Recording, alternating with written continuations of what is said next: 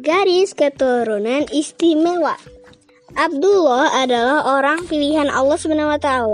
Abdullah dikenal dengan anak Abdul Muthalib yang paling baik budinya dan paling bagus rupanya.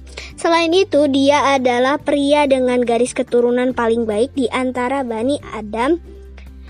Abdullah merupakan keturunan Kusai bin Kilab yang berhasil menyatukan kaum Quraisy dan menjadi pemimpin Ka'bah yang pertama. Garis keturunan adalah Abdullah bin Muthalib dan bin Hashim bin Abdul Manaf bin Kusai bin Kilab bin Murrah seperti Abdullah bin Abdul Muthalib.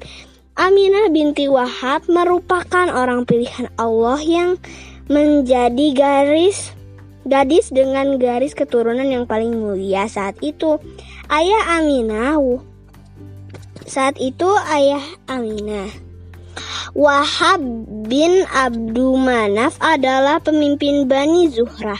Garis keturunannya adalah Aminah binti Wahab bin Abdul Manaf bin Zuhrah bin Kilab bin Murrah, Kusai bin Kilab, dan Zuhrah bin Kilab adalah kakak beradik jadi Abdullah dan Aminah merupakan saudara jauh dari kedua bergaris keturunan istimewa. Inilah Nabi Muhammad SAW berasal.